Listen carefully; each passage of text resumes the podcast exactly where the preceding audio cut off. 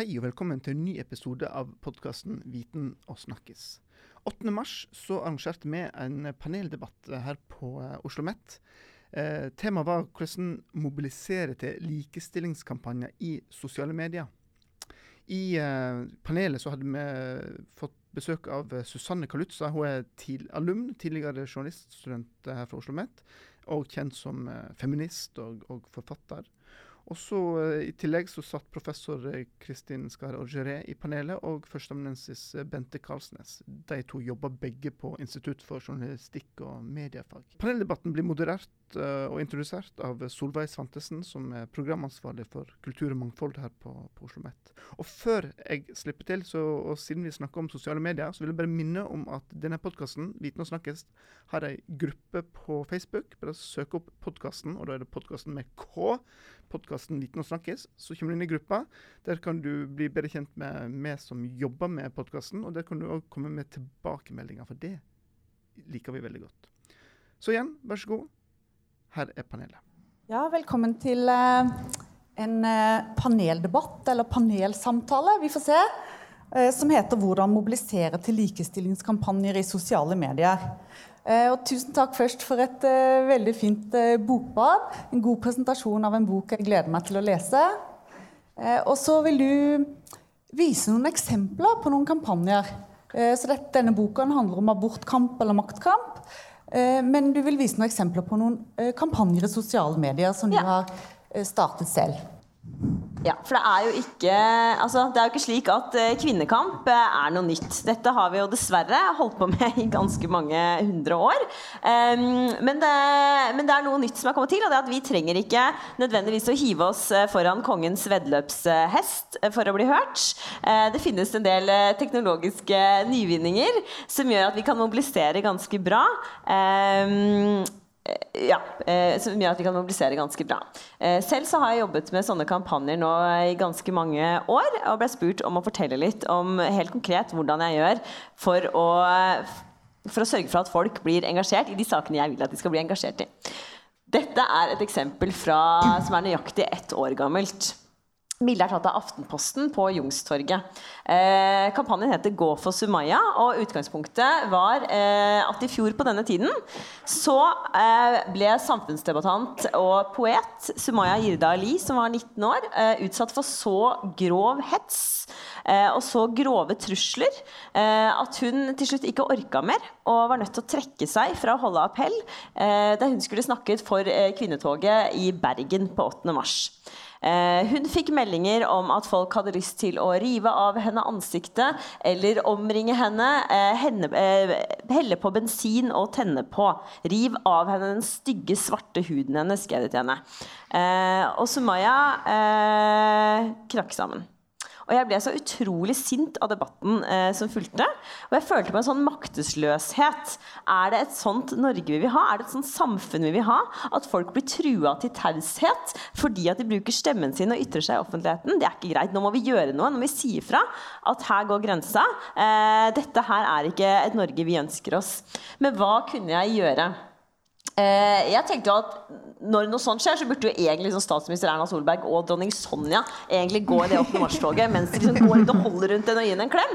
Men så er det sånn at jeg kjenner ikke dronning Sonja så godt, og Erna Solberg er kanskje ikke så glad i meg, så jeg hadde ikke noen sånn enkel måte å ordne det på. Så da ble spørsmålet hva kan jeg få til? Og så tenkte jeg at jo, men eh, nå er det jo slik da at en jente har trukket seg eh, pga. nettroll og hatere og rasister.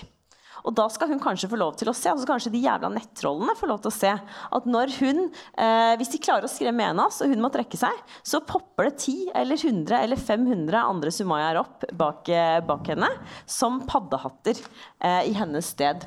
Så 7. mars fikk jeg denne ideen. Og 8. mars eh, rullet vi ut. Eh, og 8. mars på kvelden så, så Youngstorget slik ut. Det var ca. 3000 mennesker bare i Oslo som gikk med Sumaya-masker eh, på 8. mars. Og eh, rett før eh, vi gikk live i Oslo, så fikk jeg beskjed om at Sumaya hadde blitt så rørt av all støtten at det hadde endelig gått opp for henne at de som vil vel i samfunnet, er flere enn de som hater, selv om de som hater er høylytte. Og hun fant krefter til å stå på talerstolen og gå i toget allikevel. フフフ。Dette er jo reservasjonsrettssaken. Dette er et bilde tatt fra, fra Youngstorget 8.3.2014. Eh, hvor det da var så proppfullt overalt i alle bakgater at jeg kom vaggende med min gravide mage og var veldig bekymret for at det ikke skulle være nok folk. For jeg hadde gått hardt ut i mange måneder og sagt at nå må vi vise statsministeren hva vi mener om dette. Og tenk så utrolig flaut hvis ikke det kom noen. Men jeg klarte ikke å bane meg vei helt fram til Youngstorget engang. For der var det så fullt av sinte menn og kvinner, av eh, gamle damer på 80 år som sa at nå har vi ikke gått i tog på 25 år, men nå gjør vi det. Gud hjelpe meg igjen. Eh, og folk som dytta barnevogn og i det hele tatt. Um, så det var, eh, det var, mange som var med å bidra til eh, mobiliseringen på reservasjonsretten. Og jeg forsøkte å bidra med mitt ved hjelp av da blogg og sosiale, sosiale medier for å få folk opp og ut. Um, dette her er en annen kampanje som jeg lagde for lokalvalget for fire år siden. Som het 'Kryss kvinner inn'. Uh, utgangspunktet for den var at jeg leste i Klassekampen en, en artikkel jeg tror det var Toril Skar som hadde skrevet en artikkel om den utrolig skjeve kjønnsbalansen uh, i norsk uh, politikk. Og at, ikke, altså at 105 år etter at kvinner ble, stemme, ble valgbare inn til, til, norske kommune- og fylkesstyrer, så var vi ennå ikke oppe i 40% Og det er ikke at vi skal være sånn 50-50 millimeter nøyaktig nødvendigvis, men liksom virkelig, liksom. Ikke 40% engang. Og, og ikke minst var det ikke engang tre av ti ordførere som var var kvinner. Dette er jo ikke bra nok. Så er det sånn som er litt sånn fun fact, at det er veldig få som setter kryss på eh, stemmelistene til kommunestyrer. Men de som gjør det, er i stor grad hvite menn. Og de krysser inn flere hvite menn. Eh, og det fører til at i noen norske kommuner eh, så faller så mye som halvparten av alle kvinnene som er valgt inn, de faller ut når personstemmen er talt opp. Så selv om du bare vil støtte eh, den rekkefølgen som partiene har satt opp, så er du nødt til å sitte et kryss bare ved kvinnene. Ellers så ramler de ut til fordel for enda flere hvite gamle menn. Vi trenger også hvite gamle menn kjempemasse flinke, hvite, gamle menn. Kurt er jo en flink, hvit mann, ikke så gammel. Eh, men vi trenger jo flere enn bare dem. Vi trenger ung og gammel. Vi trenger eh, folk i rullestol og, og, og folk som, som veit åssen det er å føde babyer eh, og løpe til barnehagen. Vi trenger, eh, eh, vi trenger alle for at demokratiet er sterkest når alle er med. Så eh, da mobiliserte jeg og fikk med Sanitetskvinnene på det. Og det ble 102 flere kvinner inn i kommunestyret etter, eh, etter valget. Og vi hadde over 200 oppslag eh, i media på én måned på denne kampanjen. Så det eh, Sist eh, et, et, eh, en kampanje som rettet seg mot en helt annen målgruppe, mot unge. Unge i dag pepper drøss av negative meldinger eh, om eh, kropp og utseende. Eh, og sammen med Ulrikke Falk og psykiater Finn Skårdrud så vil vi forsøke med et veldig enkelt grep å, eh, å se vise de unge at de trenger ikke bare være passive ofre. Eh, de kan også ta eh, større plass i eget liv og være med på å løfte folk rundt seg. Så vi oppfordrer til å skrive eh, positive, oppløftende meldinger og henge rundt om på, eh, i det offentlige rom. Eh, og kalte det for Post-It-geriljaen. Og den spredde seg som ild i tørt gress til da eh, rikspolitikere, men også da han til, til venstre står i Austin, Texas. Vi fikk bilder fra Japan og fra Korea og fra Sør-Amerika. Altså Det som kjennetegner alle disse Og så var det nå. På'n igjen. På'n igjen. Eh, Senabortsaken. Det som kjennetegner alle disse kampanjene jeg har vært med å lage, og som er nøkkelen til å faktisk få til noe, det er at eh, vi må huske på at sosiale medier er et middel. Det er ikke et mål i seg selv. Så målet med en god kampanje må være å få folk til å gjøre en faktisk endring i den faktiske verden. ikke sant? Enten det er å henge opp Post-It-lapper der de er, enten det er å sette et kryss på kommunestyrelistene når, når, de er i valglokalene, enten det er å gå ut i gatene og demonstrere eller sende inn høringsuttalelse til regjeringen. Um, alternativet er slaktivisme. Og det er litt farlig, for det er lett å føle at du har gjort noe viktig hvis du har bytta profilbildet til Facebook til et hvor det står 'Jeg er mot vold mot kvinner'. Ikke sant? Vi kan alle være mot vold mot kvinner. Det er veldig få som vil bytte et profilbilde hvor de er for vold mot kvinner. Men da får du følelsen av gjort noe, men du har ikke egentlig gjort så veldig mye. Uh, og du har ikke egentlig gjort så veldig mye, selv om du har trykket like på en Facebook-side. Så jeg er opptatt av to ting, og det er å få folk til å skjønne at du kan gjøre en forskjell selv. Men da må du bruke sosiale medier som et verktøy til å få folk til å gjøre en ekte endring. Og så skal vi komme nærmere inn på i samtalen eh, hvordan jeg tenker eh, når jeg bygger opp de kampanjene, og ikke minst hvordan man kan velge ut saker som gjør at du får med deg folk. Ja. Tusen takk. Det er veldig gode kampanjer. Og det er interessant å se på Det er ikke bare å trykke like og lykkes på mediene, men at det kommer ut i den virkelige verden. Mm. Eh, Kristin Skare og Geré, velkommen. Du er professor ved journalistikk og mediefag her ved Oslo OsloMet. Og du har jo sett på eh, særlig pressens dekning av metoo, som mm. også er en kampanje som man må virkelig si har uh, hatt vind i seilene de siste årene. Og det er, uh, ja, det er ganske Altså, Hva er det ved metoo som gjør at det har spredt seg så raskt, så breit, så um, så dypt, egentlig. Altså, nå sitter jo alle, inkludert Oslo OsloMet, som har revidert sine retningslinjer. Um, ja, Den ligger kanskje ikke der. Jeg hadde et par slides òg. Ja, men metoo. Veldig viktig å snakke om metoo på en dag som dette. Og takk til Susanne for, eh, for introduksjonen og viktigheten av nettopp det at Sosiale mediekampanjer når ut i det virkelige liv, og det er jo også metoo et veldig godt eksempel på. Metoo er kalt det største som har skjedd kvinnebevegelsen, likestilling mellom kjønnene siden kvinner fikk stemmerett. Det gjenstår kanskje å se eh, om det faktisk har den effekten som eh, flere av disse andre sakene, og som veldig mye av det vi kjemper for eh, 8. mars og veldig mange andre dager resten av året, så er det jo akkurat som demokratiet ikke et endelig mål man kommer i. Det er en evig kamp som pågår. Det er kvinnekampen, det er kampen for demokrati og likestilling, og det er veldig mye rettighetskamp. Um, man tror kanskje man er kommet i mål, men så ser man som i abortkampen at uh, nei, vi var ikke helt der likevel. Det er en daglig jobb som må gjøres. Det som gjorde at metoo ble så vellykket, uh, var tre ting. Og det ene er at det traff en nerve. Det kan man delvis planlegge, eh, men slett ikke alltid. Er, vi kan se i ettertid hvordan det vokste opp egentlig over flere år. Eh, og så var det da denne tweeten til skuespiller Alisa Milano som kom noen uker etter, eller ti dager etter at Harvey Weinstein eh, var Hele saken hadde sprukket, og hun skrev da denne tweeten før hun gikk til sengs. Hun lå i sengen med datteren sin og tenkte på datterens fremtid som kvinne i denne verden, og skrev da den tweeten som nå er blitt legendarisk. Dersom du har opplevd trakassering, eh, undertrykkelse, så bruk hashtag metoo, del i sosiale medier.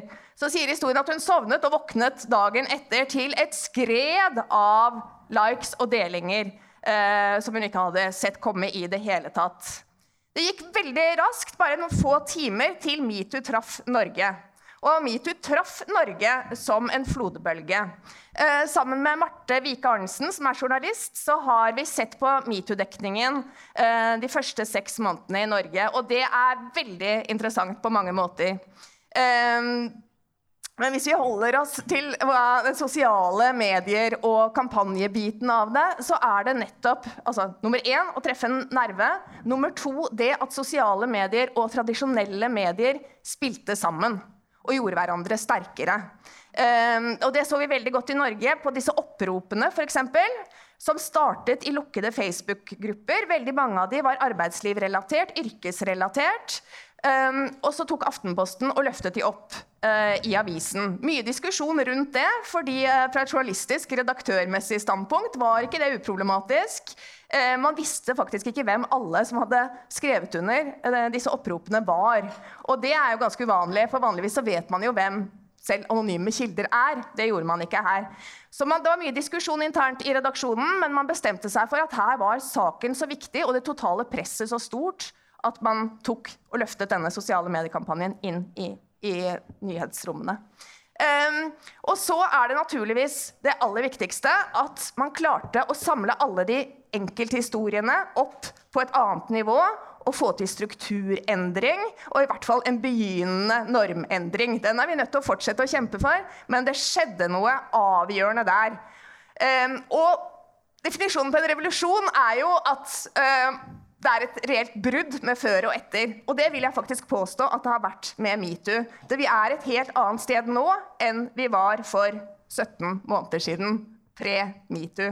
Og det er veldig mye uh, av uh, bruk av sosiale medier, men også bruk av tradisjonelle medier. Og å ha trukket uh, denne kampanjen over i det virkelige liv. På arbeidsplasser, i de tusen hjem, i diskusjoner. Og at det får Vi har hatt, interessant nok, lovgivning i over 22 år mot seksuell trakassering i Norge, men det er metoo-kampanjen som har fått vekket den lovgivningen og gjort veldig mange individer og arbeidsplasser oppmerksom på at den eksisterer. Så det er Et annet eh, lite eksempel som jeg også hadde lyst til å gi, eh, som trekker i noen av disse samme trådene. Det er jo den internasjonale kvinnedagen, og jeg er veldig opptatt av at eh, Takk. Eh, at vi ikke glemmer det heller på en dag som, som denne. Eh, det internasjonale. Og dette eksempelet er fra Uganda, og det er til stor inspirasjon å ehm, se hvordan eh, man i Uganda, eh, kvinner har tatt i bruk sosiale medier. Et mye mer autoritært styre enn det vi er vant til. Ehm, ganske stor analfabetisme, eh, mange andre typer utfordringer enn det Susanne og andre møter når de starter kampanjer her. Veldig interessant, og det handler noe om det samme. Det handler om at det er en sak som er av reell viktighet for mange, altså treffe en nerve. Og det handler om å kombinere det som skjer i sosiale medier, med det virkelige liv, og skape endring i levd liv der hvor folk eksisterer. I 2015 var det presidentvalg i Uganda. Noen av dere vet kanskje at eh, president Museveni er en av de som har sittet lengst på det afrikanske kontinentet, som jo består av 54 land. Um, og han stilte da til valg og var ikke helt sikker på at han kom til å vinne, så han trengte noen nye fanekampsaker. Og lovet da at hvis han ble valgt, så skulle han eh, sørge for at det skulle bli bind, mensbind, for alle jenter som trengte det. Pads for girls. Eh, saken er det at 66% av ugandiske jenter går ikke på skolen en gang i måneden fordi de ikke har tilgang til sanitært utstyr bind, tamponger eller mulighet til å skifte, vaske seg, ordne seg når de er på skolen. Så da må de holde seg hjemme. Dette toucher inn på mange interessante ting, ikke minst det tabubelagte, som menstruasjon fremdeles er i dag. Det kjenner vi selv her hos oss. Eh, og ikke noe mindre grad i Uganda. Eh, men også da den store forskjellen på jenter og gutter, og at jenter da lettere eh, dropper ut. Lang historie, litt kortere. Eh, Museveni vinner valget. Han eh, setter inn sin kone, The First Lady, som Minister of Education. Og etter noen måneder så sier The First Lady at dessverre så var det ikke penger til Pads for Girls. Uh, da eh, går det en F i mange eh, ugandiske damer. Og det lanseres en Facebook-kampanje, Pads for Girls, som igjen har denne her fine kombinasjonen mellom det virkelige liv og sosiale medier. Sosiale medier er i kraftig vekst i Uganda, og veldig mange får etter hvert tilgang på internett på telefonen sin. Um, det resulterte i at over én million bind ble donert, samlet inn, øh, fysisk lastet inn på presidentens kontor. Han trengte de kanskje ikke så veldig. Uh, men for å minne ham på hva dette faktisk handlet om. Men også på en rekke skoler og i en rekke øh, lokale senter, sånn at da jenter skulle få tilgang på bind. Så det skjedde en sånn avtabusering også av det å ha menstruasjon, av det å blø, av det å skifte bind. Eh, hvor vi har en ganske lang vei å gå i Norge, i parentes eh, også.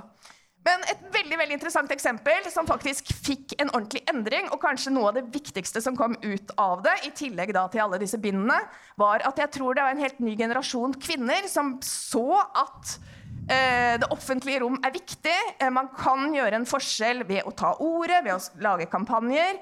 Og man kan faktisk bli hørt og få endring. Og det er jo det vi til syvende og sist er opptatt av. Ja, det fortjener en applaus. Og nå sitter jo jeg her og er ganske sånn oppløfta. Å, det kan, det kan funke, og vet litt hva må man gjøre og kombinere. Men så er vi jo på et universitet, og vi må problematisere litt òg. For det er ikke helt rosenrødt. Og Bente Karsnes, du er førsteamanuensis, også journalistikk og mediefag ved Oslo OsloMet. Eh, og du har også sett litt på dette. altså Disse sosiale mediekampanjene de lykkes ikke alltid. Eh, det kommer motkampanjer. Eh, det er også en pris å betale for de som står frem. Kan ikke du si litt mer om det, så vi får et litt bredere bilde? Ja, tusen takk for invitasjonen. Begynn med det. Og gratulerer med dagen, alle sammen.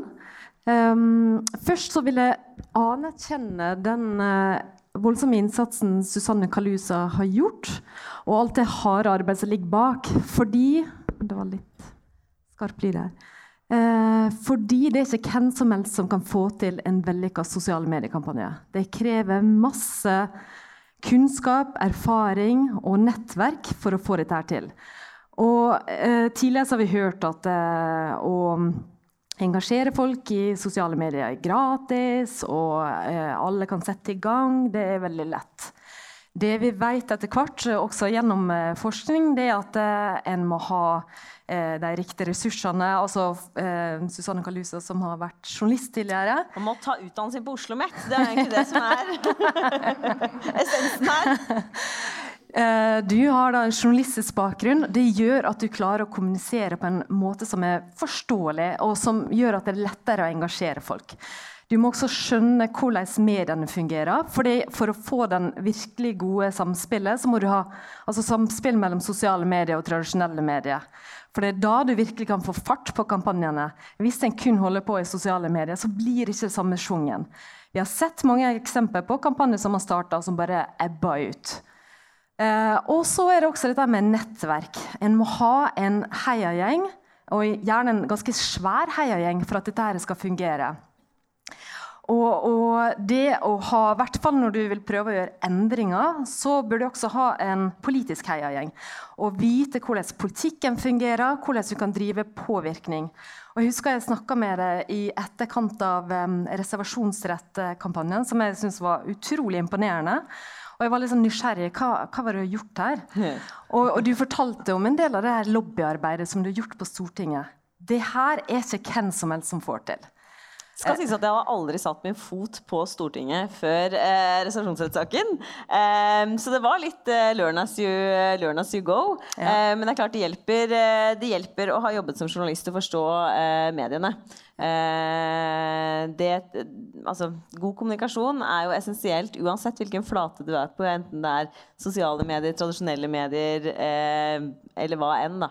Det som slo meg bare for å spille inn det mhm. akkurat, eh, Da vi hørte på deg i stad, så er det jo ikke noe aber å være karismatisk og veltalende heller. Eh, og der har du jo også en ganske stor forskjell. Og En annen ting som er også viktig eh, å tenke på, og som også kan være en forklaring til at en del kampanjer havererer, det er at eh, kanskje materialet ikke er delbart. Eh, det kan være dårlige bilder, det kan være dårlig grafikk. Fordi veldig masse av logikken i sosiale medier handler om at en skal dele. Og at, kan, at, folk som ikke er politisk enige med det, men som har sympati for ideen, har lyst til å dele det. Um, og jeg tenkte jeg kunne trekke fram én kampanje som var på en måte ganske vellykka, men som ikke fikk det samme gjennomslaget som vi har sett med f.eks. Uh, eh, metoo. I 2015 så var det en kampanje som heter 'Jeg har opplevd'. Kanskje noen av dere som var med på det og delte personlige historier i sosiale medier. Og Det, det handla om seksuell trakassering. Veldig likt metoo. Eh, og, den, og, da fikk det veldig oppsving i sosiale medier. ble en del eh, saker rundt det, men det fikk ikke den eh, politiske påvirkninga. Og én ting som jeg også vil trekke fram, som er ganske interessant, apropos det du sa Kristin, om en revolusjon. Den gangen så kom det en episode på Trygdekontoret. Eh, Kari Jakkesson hadde kritisert Thomas Seltzer. Og da laga de en episode som rett og slett var hevnporno. De spilte inn en pornoscene med en skuespiller som liksom skulle være Kari Jakkesson og Thomas Seltzer. Min påstand vil være det hadde ikke skjedd i dag. Det er en form for reaksjon. Altså, det var rett og slett en, en mediekritikk. Kari Jakkesson kom med mediekritikk av eh, eh Thomas Seltzer. Og så laga de da en slags hevnporno-episode. Eh, Eller scene, da. Ehm, det er vanskelig å forestille seg i 2019. I forlengelsen av det Bente sier, så tror jeg altså det er veldig viktig det visuelle. Og at det metoo, hashtag metoo, det var ikke et bilde, men det ble et bilde. Eh, veldig sånn lett å kjenne igjen og ble større enn seg selv. Og også det at man kunne velge litt hvordan man ville gå inn og bruke det. Jeg tror nok at sånn den jeg har opplevd kampanjen, beretter grunnen litt. Sånn at det var Mange var klare på en annen måte da metoo kom. Men det med metoo var også man kunne velge om man bare ville dele metoo uten å si noe mer. Eh, eller man kunne legge til så mye tilleggsinformasjon som man ønsket i sin eventuelt personlige historie. Og jeg tror den muligheten eh, Jeg har sammenlignet litt med Frankrike. Der hadde de én hashtag som het moi aussi, altså direkte oversatt metoo. Jeg også. Men den som fikk størst oppmerksomhet, eh, dessverre ikke så veldig mye av det heller, var hashtag 'balance ton. Kaste ut svinet ditt, vis frem svinet. Og da er du plutselig et helt annet sted, for du skal peke på den andre. Og det er jo litt det vi så skjedde i Sverige under metoo også, at det ble veldig fokus på uh, overgriperen. Uh, mens metoo i Norge har handlet mye også om de personlige historiene, men ikke minst løfte dem opp på et uh, arbeidsliv eller strukturelt nivå, og at det er der endringen må skje. men det visuelle tenker jeg også er utrolig viktig. Bare en siste ting jeg tenkte å nevne, i og med at du sa dette her med trusler og slike ting. fordi det å skulle stå fram med såpass personlig historie, og det å skulle fronte et budskap som i det norske samfunnet er veldig kontroversielt, det som har med eh, feminisme og abortsaker. Vi har også hørt mange historier om folk som blir trua, som blir hetsa på nett og blir utsatt for uh, hatytringer. Så det er klart det er også en pris en betaler for å være veldig synlig og kanskje veldig personlig og kanskje til og med sårbare da, i sosiale medier. Men det kan sikkert du fortelle meg. ja, det er jo velkjent. Eh, både det du sier om motkampanjer og selvsagt hets. Altså, jeg skal opp til Troms nå i april og vitne i en straffesak mot en mann jeg anmeldte for uh, trusler på nettopp Facebook. Jeg mener at det er et godt poeng å anmelde hver gang man kommer over noe slikt. Uh, jeg gjør det av prinsipp. Nettopp fordi at hvis politiet henlegger, så får vi i det minste som samfunn en, slags Eh, oversikt over omfanget av det. Man får en henleggelsesprosent. Eh, og hvis eh, man får til en siktelse og en dom, så tror jeg at det er en veldig viktig oppdragende effekt i samfunnsdebatten. Det er faktisk noen steder grensa går, og det er ved trusler om vold og drap er ikke greit. Det trenger flere å skjønne. Det er ikke lov til å unnskylde seg med at jeg bare kødda, eller tonen på Facebook er sånn. Vi har heldigvis de siste årene sett at retten slår ned på det, og det er jeg veldig, veldig glad for. Um, Uh, og så syns jeg det er uh, interessant det du sier om Ja, og jeg har selv nå um, bodd på hemmelig adresse. Altså, sånn, jeg, har, um, jeg har ikke uh, klassifisert, men jeg tok bort i, i samråd med politiet etter reservasjonsvedtaket, så tok jeg bort adressen min fra alle offentlige Eh, registeret. Eh, så telefonnummeret mitt er fortsatt kjent, men jeg gidder ikke at folk skal vite hvor mine barn bor. Det ble, ble liksom, for min jeg liksom både gikk og vagga var høygravid, og jeg fikk brev med sånn 'Barna dine burde dø, din jævla babydrapskvinne. Helvete, brenn i helvete'. Så jeg, sånn, jeg klarer ikke å løpe så veldig fort nå med denne med gigamagen, liksom. Um, så kanskje ikke det skal være så åpenbart uh, nøyaktig hvilket hus det er jeg bor i.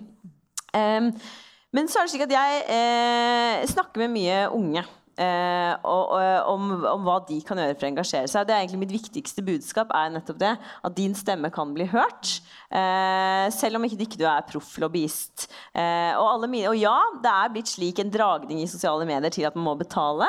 Men, samtidig, eh, men fortsatt så har ikke jeg brukt en krone på noen av kampanjene jeg har laget. Jeg har, ikke, jeg har aldri betalt Facebook eh, for sponset innhold. Eh, så, og hvordan får man til det? Det er veldig mange som ringer meg og sier sånn Jeg har lyst til å lage en kampanje om et eller annet, et eller annet likestilling. Eller kan vi ikke lage en eller annen kampanje om bærekraft? Kan ikke du hjelpe meg med det? Men det er ikke en kampanjeidé. Hvis du skal finne en kampanje som eh, Jeg, jeg anbefaler å bruke mer tid eh, på ideen eh, og mindre bekymring på hvor mye penger de skal bruke på Facebook. For det er den gode ideen som i stor grad avgjør om det flyr eller ikke. Og den gode ideen finner du i deg selv.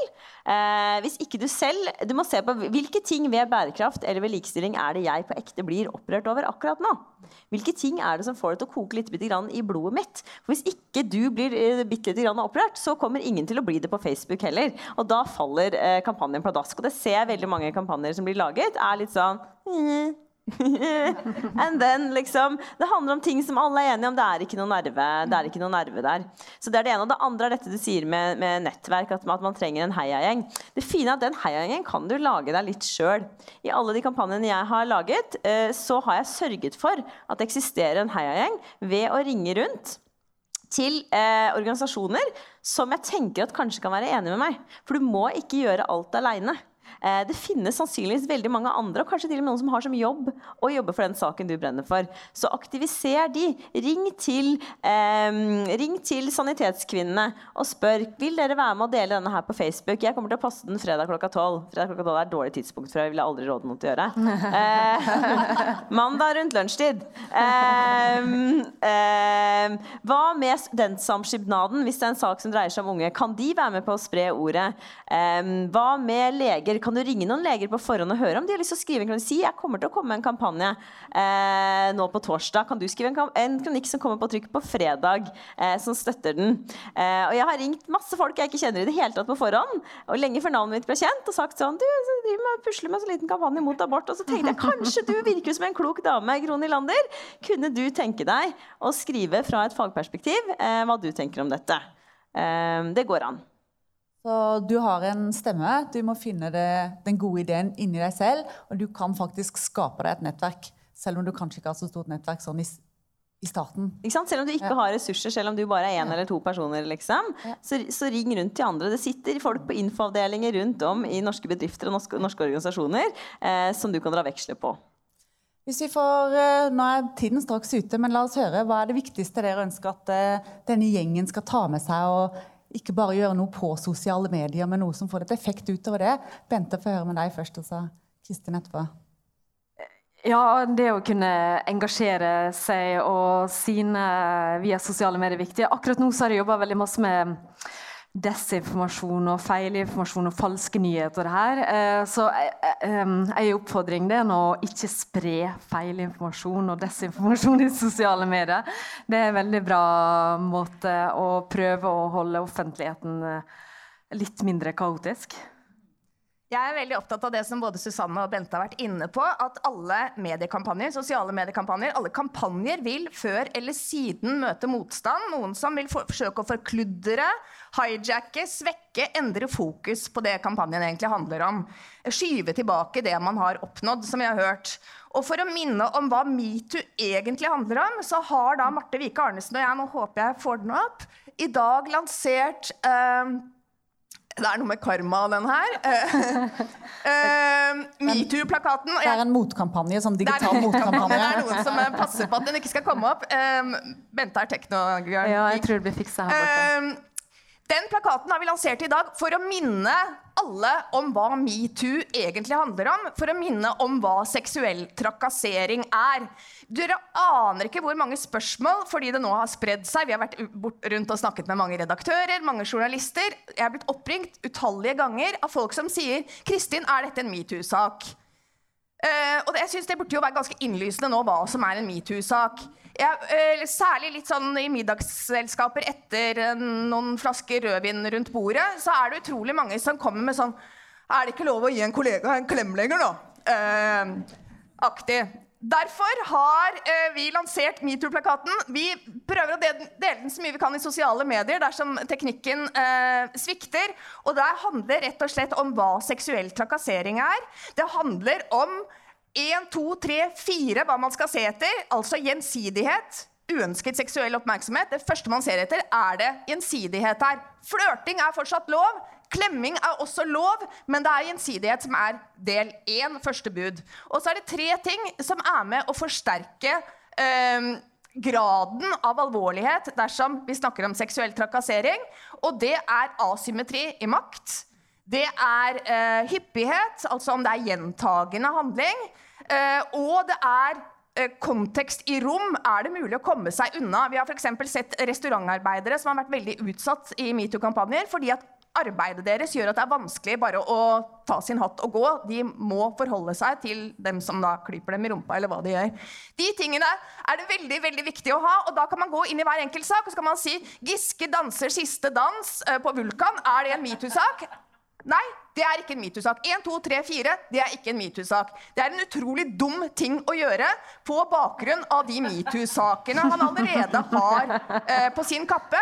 Men Giskes siste dans er ikke en metoo-sak. Denne her oppfordrer alle til å printe ut, henge opp i kantina, på do på jobben og bruke som utgangspunkt på videre diskusjoner om hva metoo er, og hvordan vi skal ta kampanjen videre. God 18. mars. Tusen takk.